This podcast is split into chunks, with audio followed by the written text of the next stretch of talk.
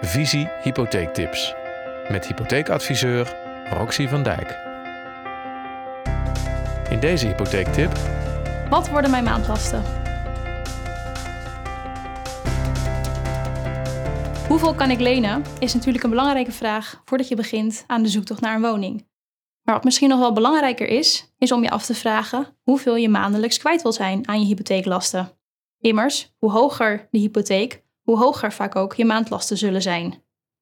Het is dus aan te raden om je alvast even te oriënteren op je toekomstige maandlasten voordat je actief begint aan de zoektocht naar een woning.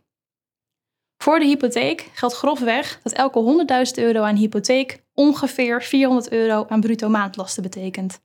Grofweg, want het is afhankelijk van verschillende factoren. In de eerste plaats van de hoogte van je rentepercentage. Hoe hoger het rentepercentage, hoe hoger vaak ook je maandlasten zullen zijn.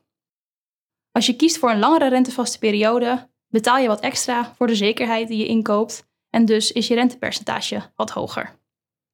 Ten tweede hangt het ook af van de aflosvorm van je hypotheek.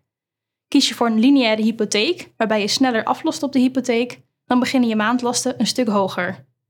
De vuistregel die ik eerder noemde, heeft betrekking op een annuitaire hypotheek.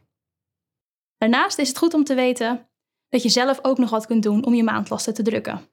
Zo kun je zelf eigen spaargeld inleggen om de hypotheek wat te verlagen. Of je kunt gebruik maken van nationale hypotheekgarantie, waarmee je in aanmerking komt voor een lagere hypotheekrente. Maar met alleen je hypotheeklasten ben je er nog niet.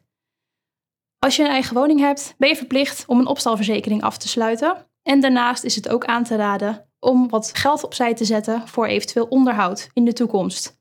Wanneer je een appartement aankoopt, zijn deze kostenposten al verwerkt in de servicekosten van de VVE, de Vereniging van Eigenaren. Op Funda kun je vaak terugzien hoe hoog de servicekosten zijn. Daarnaast krijg je ook nog te maken met gemeentelijke belastingen, zoals onroerende zaakbelasting, rioolrecht en afvalstofheffing. In Amsterdam en in enkele andere grote steden zien we daarnaast nog wel eens erfpacht voorkomen. Wanneer de erfpacht niet is afgekocht, betekent dit dat je jaarlijks een bepaald bedrag aan de gemeente moet betalen en ook dit verhoogt uiteraard weer je lasten. Andere kosten waar nog rekening mee gehouden moet worden zijn eventuele andere verzekeringen, zoals een overlijdensrisicoverzekering en een inboedelverzekering. Daarnaast heb je uiteraard ook nog de kosten van gas, water, licht, elektra, televisie en internet.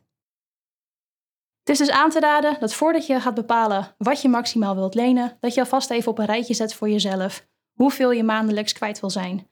En hou daarbij ook vooral rekening met deze kosten.